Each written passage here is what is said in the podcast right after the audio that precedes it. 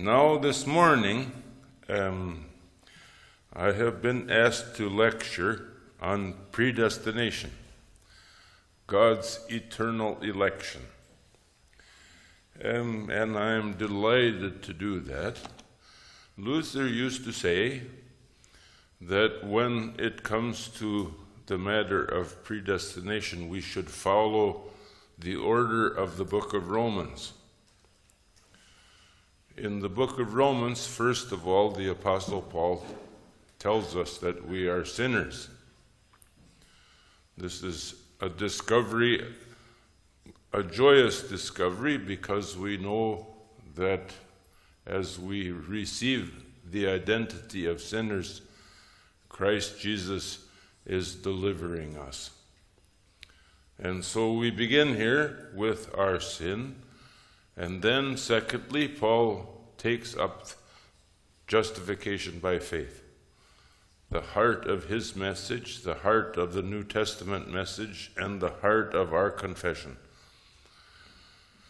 Then and only then, after he has discussed justification, does Paul begin to speak of predestination. And this in passages that are dear to the heart of our church. We know that in all things God works together for good. Among the Norwegian immigrants who left for the States, this was one of the most important passages because it oftentimes didn't look so good. It was a very difficult transition leaving the homeland behind and settling in land that was quite different. When you look out the window and see mountains, it's one thing. When you look out the window and see miles and miles and miles of space with hardly a tree, huh? It looks very, very different. So I told you about the wonderful sign that we have in North Dakota mountain removal project completed. we have a few little mountains up on the Canadian border, but they would hardly qualify as much of anything. So, so the changes were dramatic, both in the geography and in language, and and then in culture and for lots of the immigrants, they were displaced at odds, dislocated, refugees. In that context, to be able to say this, we know that in all things God works together for good. That's a matter of profound faith and a deep confession. And so, um, Romans 8 Nothing shall separate us from the love of God. Nothing in life nor death, death, heights or depths. Nothing in all creation. This is a very strong passage that gives us hope. It is a passage that we read at funerals at a, time of death. And it is a passage that picks us up and carries us. No one needs to interpret this passage. This passage interprets us. Hmm? It gives life and hope. But now, the Calvinists, of course, who came after the Lutheran Reformation, instead of going to the doctrine of election from justification, started out with it. They started out with the conviction that God has made an eternal decree from before time. He has determined who will be saved. At the same time, He has determined who will be damned. So, God has separated the good fish from the bad fish and has set, set aside the good fish and is throwing everybody else away. They are the damned who have been damned by God's decision for all eternity. Now, when Calvinists started coming from Switzerland into Germany and into Scandinavia, this doctrine of election became very confusing and controversial for Lutherans. And it, um, there was very little argument among the Lutherans themselves in the 16th century. They, uh, this was strange music to them, and they didn't know quite what to do with it. Um, they liked to fight, of course, and they fought often among themselves. They were contentious. But um, in this one case, they didn't get into a fight. it's unusual. And so um, it, the Lutherans agreed among themselves to let the Calvinists do what they want um, and to go their way. But of course, the Calvinists were always poking at the Lutherans and saying, You people are not genuine Christians because you do not teach election. Just as the other night, this comment was made to me hmm, that election is the decisive issue. And so the Lutherans decided that they better answer these questions, and they did so in Article 11 of the Formula of Concord. Now, the King of Denmark in the 16th century, who was also the King of Norway in those days, we say in the States that the Danes and Swedes always think they're destined to rule. Huh? So and at that time, the Danes had Norway, sometimes the Swedes did. We say in the States that Norwegians and Finns get along so well because they have a common enemy, and they know it. so we tell all kinds of jokes about the Swedes. It never stops. We say they're cute when they're small. and we wish they'd stay that way. it's always friendly, of course, but it's a, de- a, delight. So the Norwegians tell jokes about the Swedes, and they make them up, make up the stories, and tell them to the Swedes, and then the Swedes tell the same stories and tell them on the Norwegians. And go back and forth and back and forth about the Norwegian man who loved his wife so much once he almost told her that that. That's a favorite. and we, we say 10,000 Swedes went through the weeds pursued by one Norwegian. That's so you can hear what's happening. It's lots of fun in the small towns. We sit in the cafes and tell these stories to one another, you know. It's great. So um, the Danes were at that time ruling Norway. And the Danish king um, was very much influenced by Philip Melanchthon. Um, he did not like these controversies, and he specifically did not like a party that was in these controversies called the Gnesio Lutherans. They were, they were the most conservative Lutherans, and they were the ones that were pushing. And so the Danish king and decided that the formula of Concord was not so important, and so it's not an official confession of the Danes or the Norwegians. And so, um, though some smaller churches in Denmark and Norway accept it, others, the, the state church does not.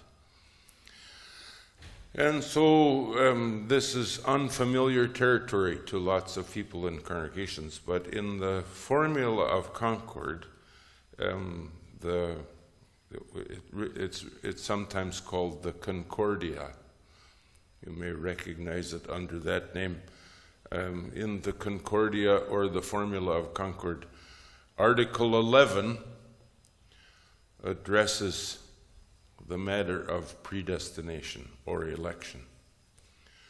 And so, what I'm going to do with you is uh, explain Lutheran teachings concerning election. and so that we can get a clear understanding of what Lutherans have believed about this matter.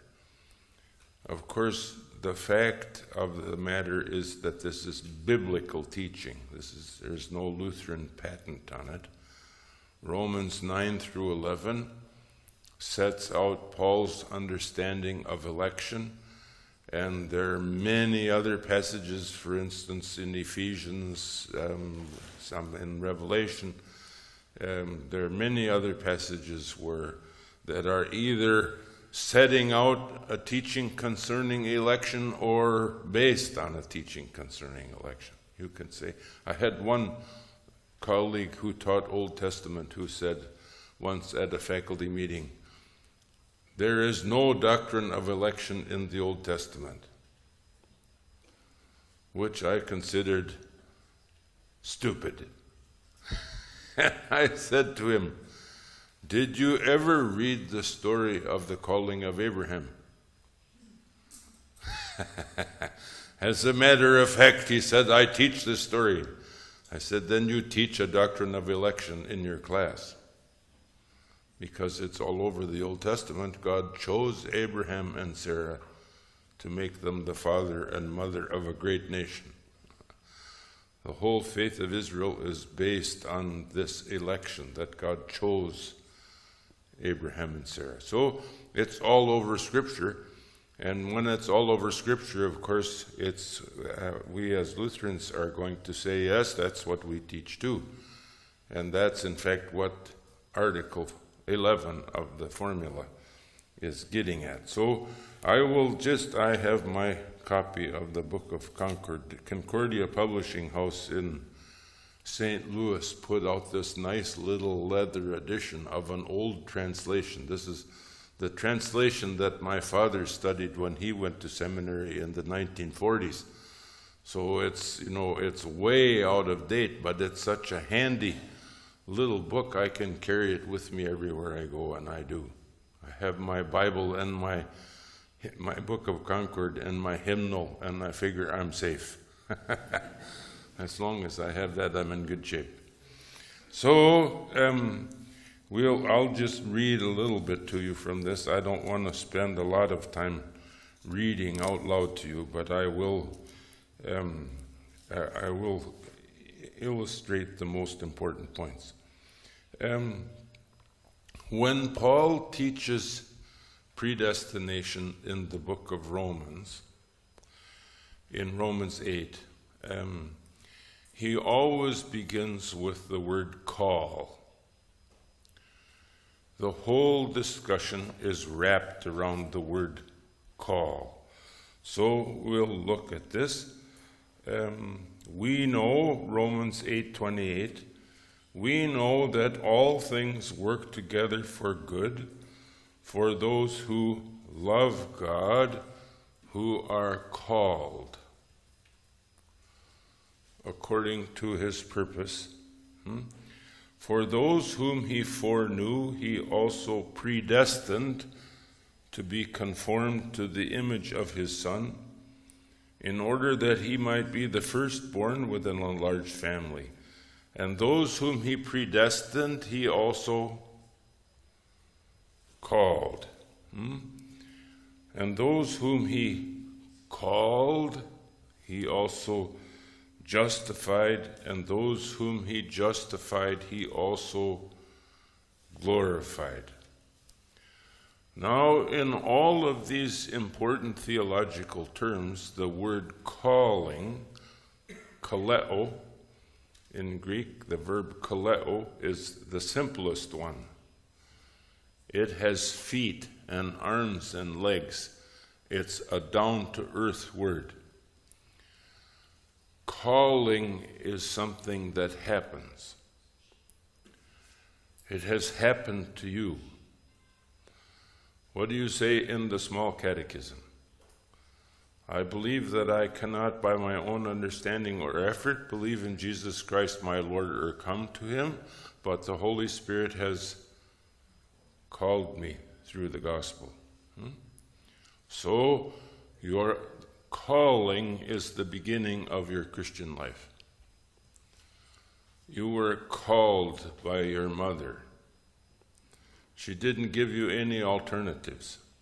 Hmm? She didn't challenge you to a decision or give you any choice in the matter. She picked you up and carried you. And she scolded your father a little bit and said, Hurry up, we'll be late. And together they went off to the church. Your grandfather, your grandmother, some relatives, some family were there, a pastor, and a font. Huh? Where? It's right behind me. Huh? You, and there you were lowered, huh? To the little sink, and the pastor poured water over you, and you were baptized in the name of the Father, and of the Son, and of the Holy Spirit. Huh? And you were marked with the sign of the cross. You were identified as Christ's own.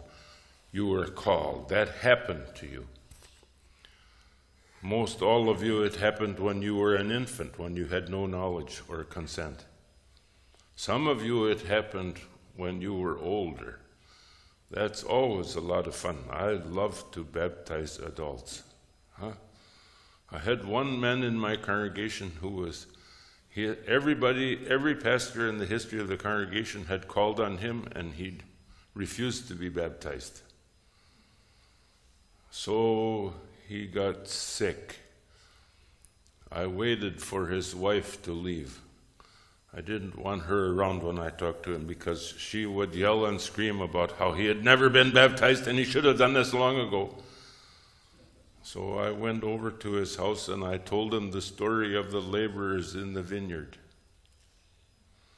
I said, Do you know what that story is about? He said, you know, Pastor, it sounds to me like I can get in late. I said, Yeah, that's exactly right.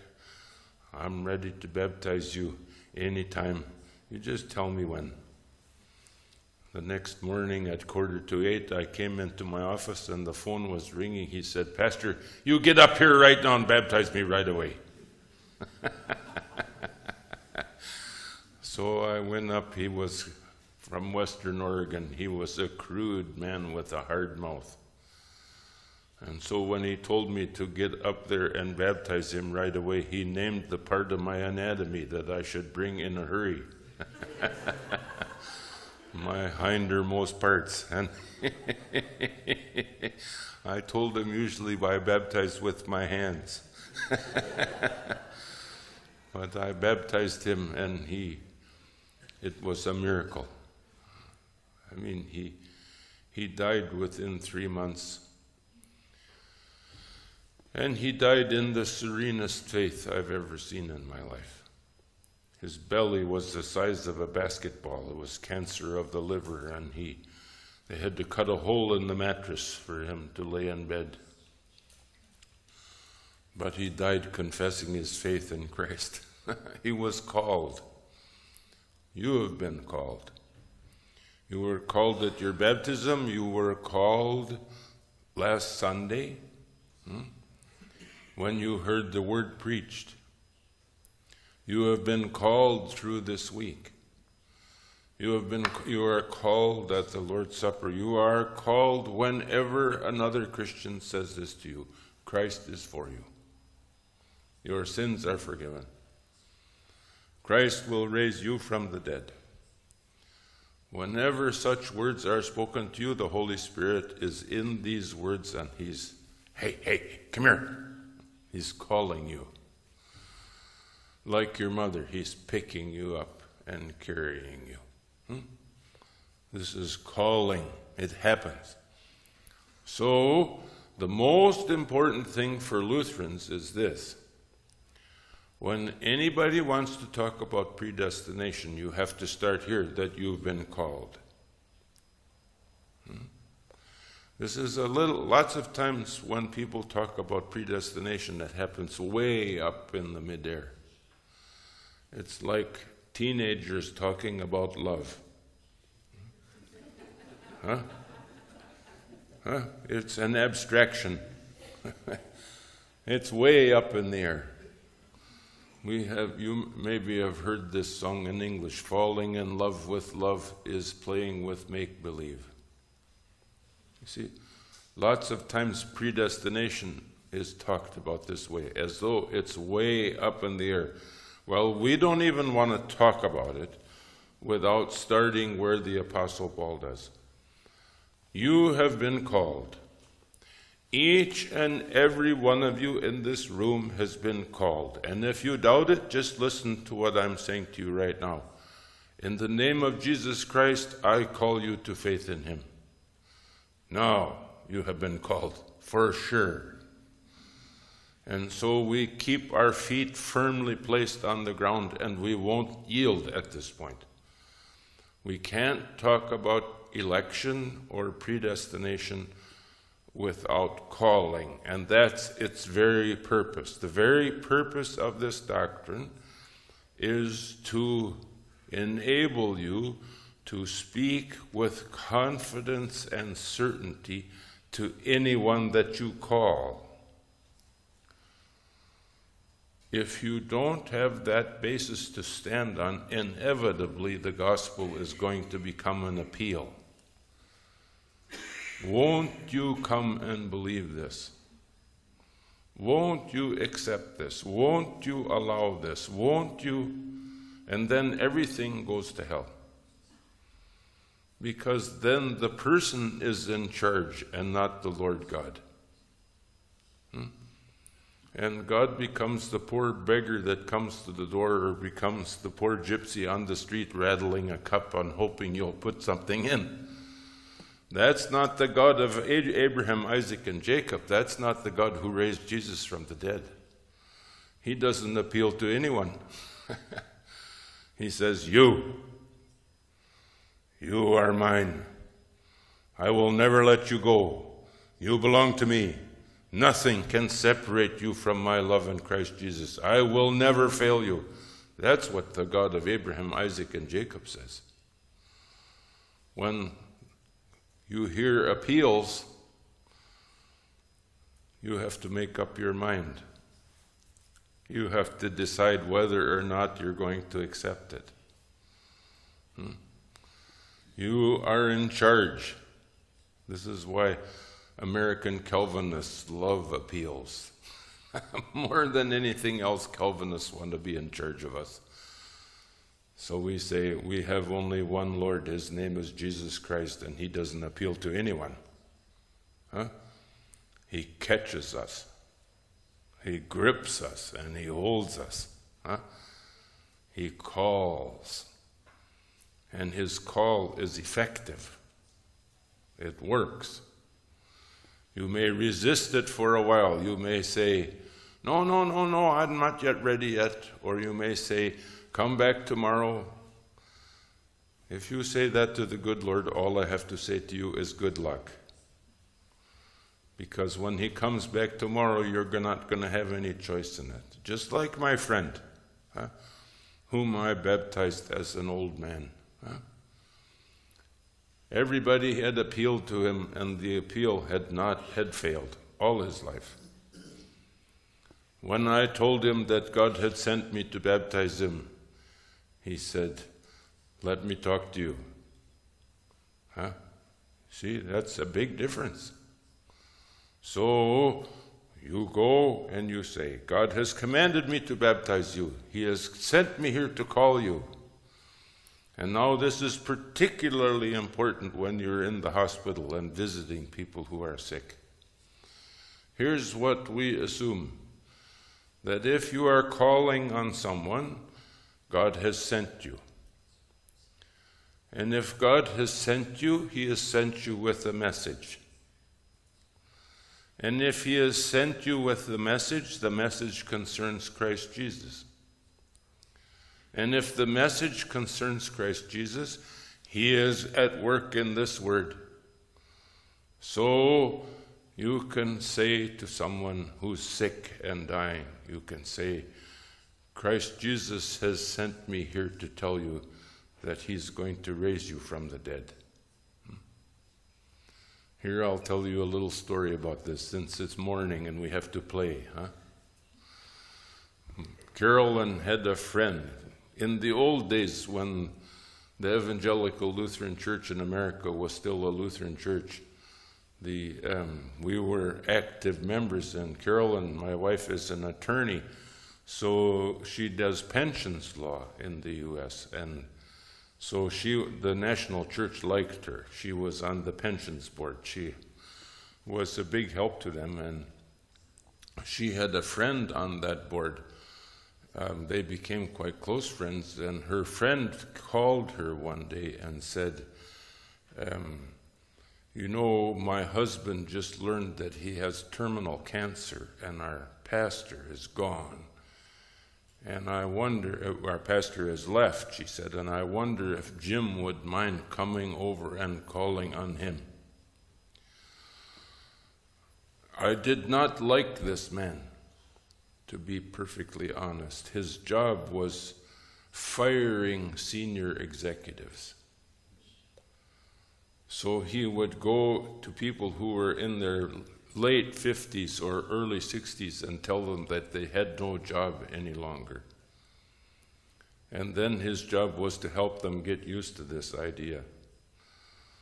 So when we would drive over to visit them, we'd have a nice visit, and on the way home, I would start in complaining about his work. Well, now, the good Lord was going to outplace him. And he needed the same kind of counseling that he was giving, only he was not going to another job, he was going to death. Yeah, I couldn't turn that down.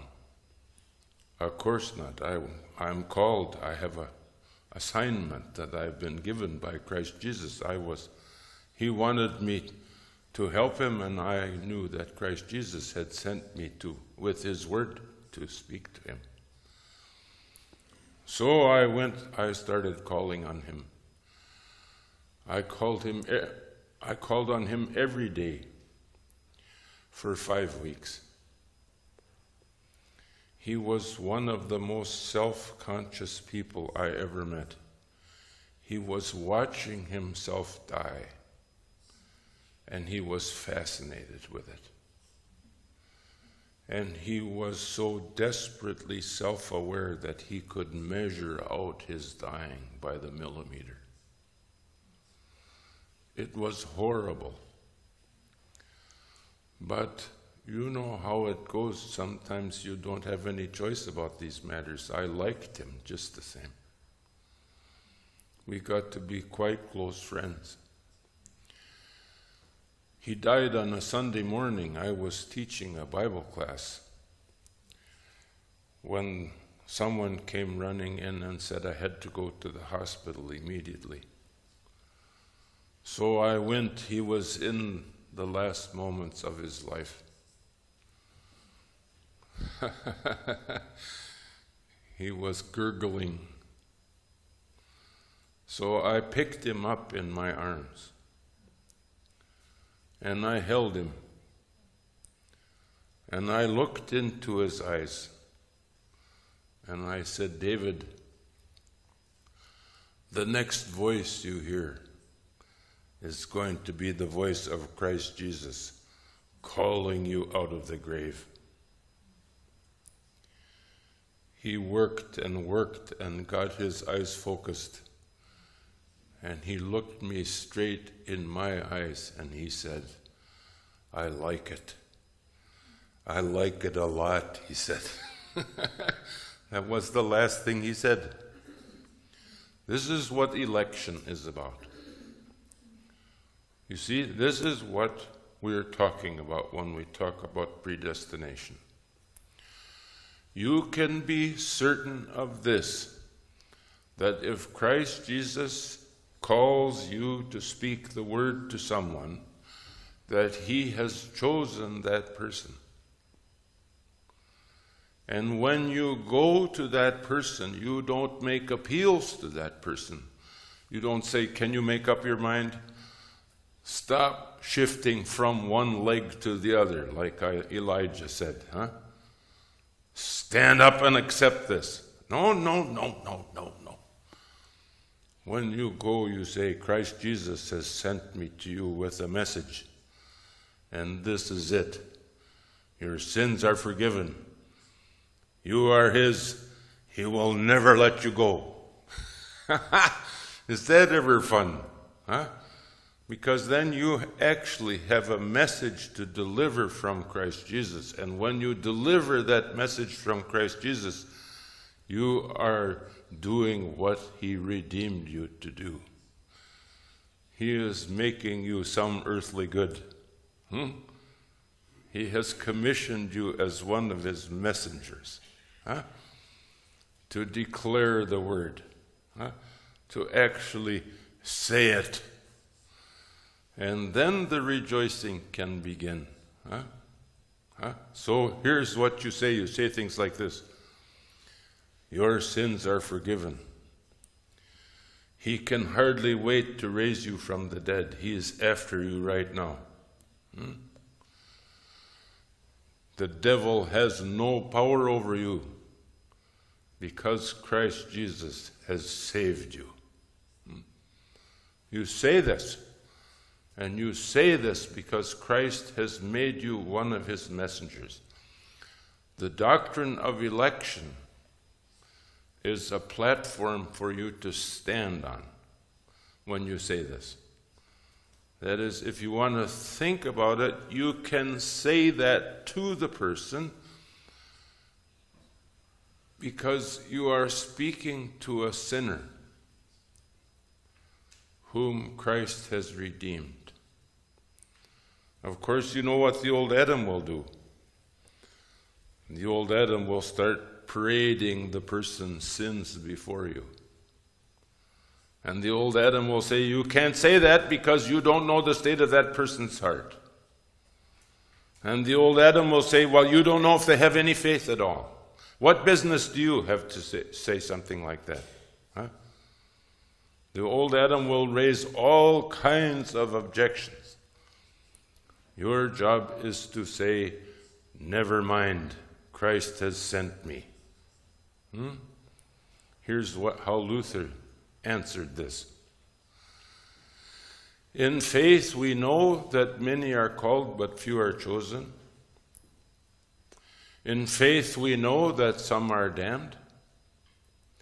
In love, we never know who they are. In love, we never know who they are.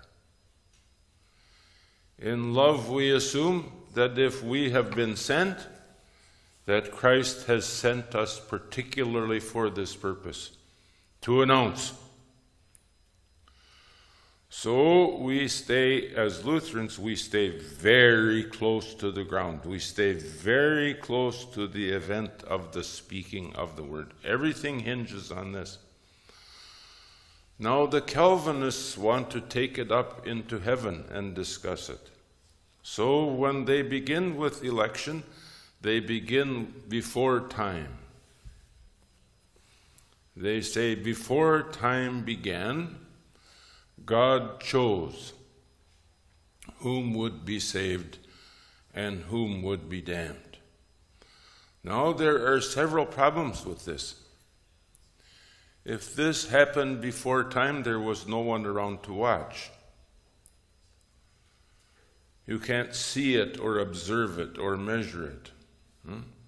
Calling, I can tell you when I was called. I have a certificate hanging above my desk in my office that names the day that I was baptized. It is signed by my father who baptized me.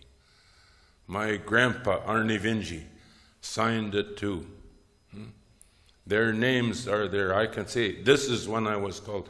But if you take predestination out of time, what happens? It's speculative. It's out in the blue yonder. Nobody's there. We can't see it or observe it. God decided, but no one else was around. There's a second big problem with this.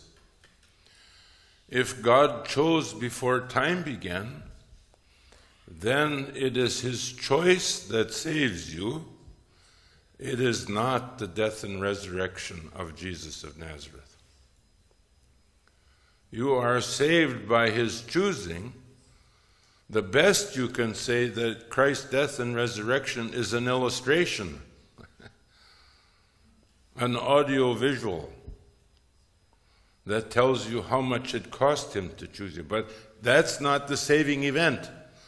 And this is what really irritated the Lutherans that the doctrine of election is making the death and resurrection of Jesus an alternative. It's no longer essential.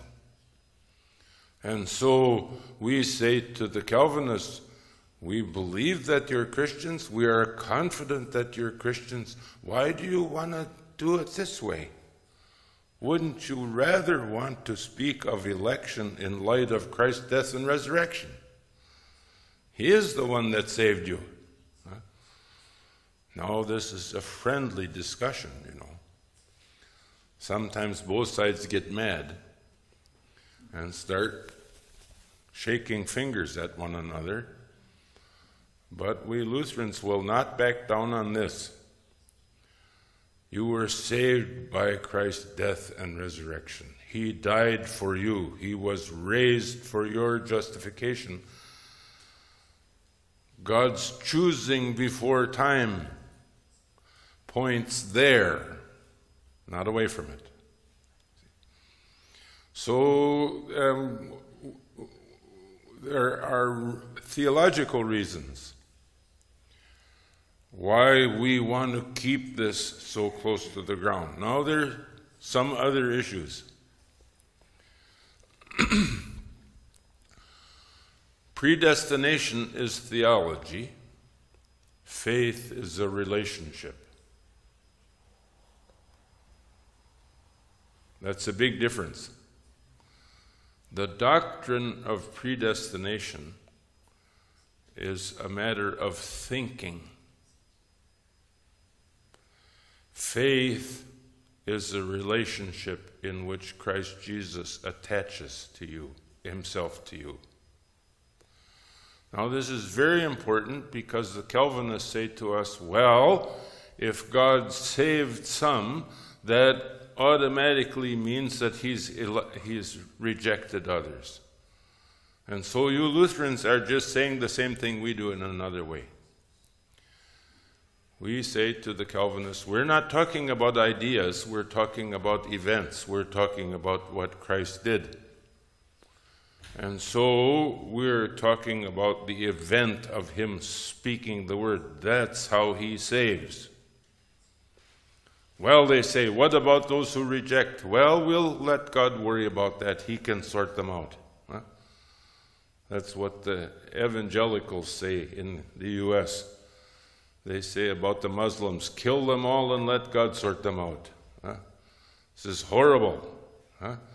This is ridiculous. We, we say this is God's issue.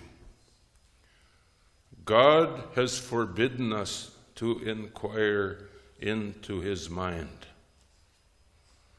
He will determine what to do with the damned. We have ample illustration in Scripture of that. Huh? Our job is to be faithful witnesses, to go and say to people, Christ is for you. In the sure and certain confidence that Christ Himself is at work in the word that we speak. After all, this is what He said He who hears you hears me. Hmm? So, when you go to a sinner, when you go to someone under a death sentence, when you go to someone who's fighting against the powers of this age, when you go to them, you go to them because Christ has sent you to them. And when He has sent you to them, you can say this He who hears me hears Christ Jesus. And you can speak in His name and you can speak whether you're a layperson or a pastor. You can speak. And you can speak in the confidence that He is speaking in you. Huh? So our issue with the, with the Calvinists is we have a couple of issues. We think, first of all, they put too much emphasis on predestination. We wish they would start with justification and get that straight. And then we say you're dealing in abstractions rather than in the down to earth realities of Christ speaking. Everything comes back to calling. Everything comes back to this that you have been called and that you have been sent to call others. If we keep the discussion of election close to calling, we'll never get into any trouble. But as soon as we take it up into the thin air of imaginative generalization, as soon as it becomes an abstraction, it turns to poison. Then, if God saves some, he must save all. That we hear that a lot in the States now. We hear lots of preaching where, where it it happened in a little church in eastern Montana, very close to where I grew up. A young pastor came to the congregation and she said, God has saved everybody. No one is damned. One of my friends who belongs to that little congregation went to her and said, Were you sent here to tell us this? She said, That's just what I believe about the Bible. God is love and He would never hurt anybody. He said, Were you taught that at the seminary? She said, No, that's just a conclusion that I've come to. Did we call you here to tell us this? She looked at him and then she started weeping. That's all she could do. See?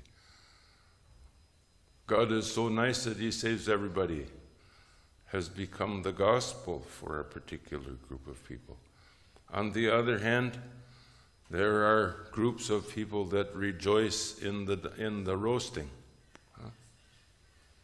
So we stay right square in the middle of all this. We say, Christ died for you. That's our message and that's our joy. Okay? I've gone fast and I've done much, huh? So you know we have some time for questions at some point, and I'll be glad to help.